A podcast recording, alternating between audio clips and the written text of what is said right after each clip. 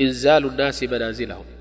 راعي الأدب في المهاتفة حسب مقام المتكلم معك ومنزلته في السن والقدر والقرابة وذي الشأن لا سيما العالم العامل.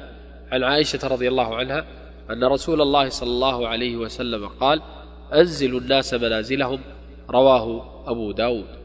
وعن عبادة بن الصامت رضي الله عنه أن رسول الله صلى الله عليه وسلم قال ليس منا من لم يوقر كبيرنا ويرحم صغيرنا ويعرف لعالمنا حقه رواه أحمد.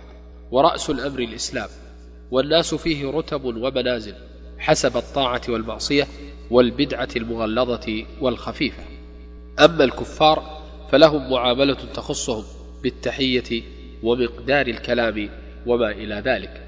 وبالجملة فلتصاحبك عزة المسلم من غير كبرياء أو تنفير أو هضم حق شرعي معتبر.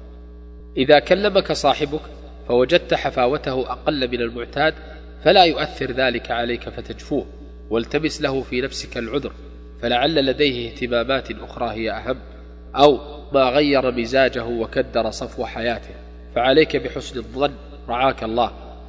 وإن تكون لديك بالقرائن لا بالوساوس أنها جفوة لأجلك فكن خفيف الظل رعاك الله ثانية.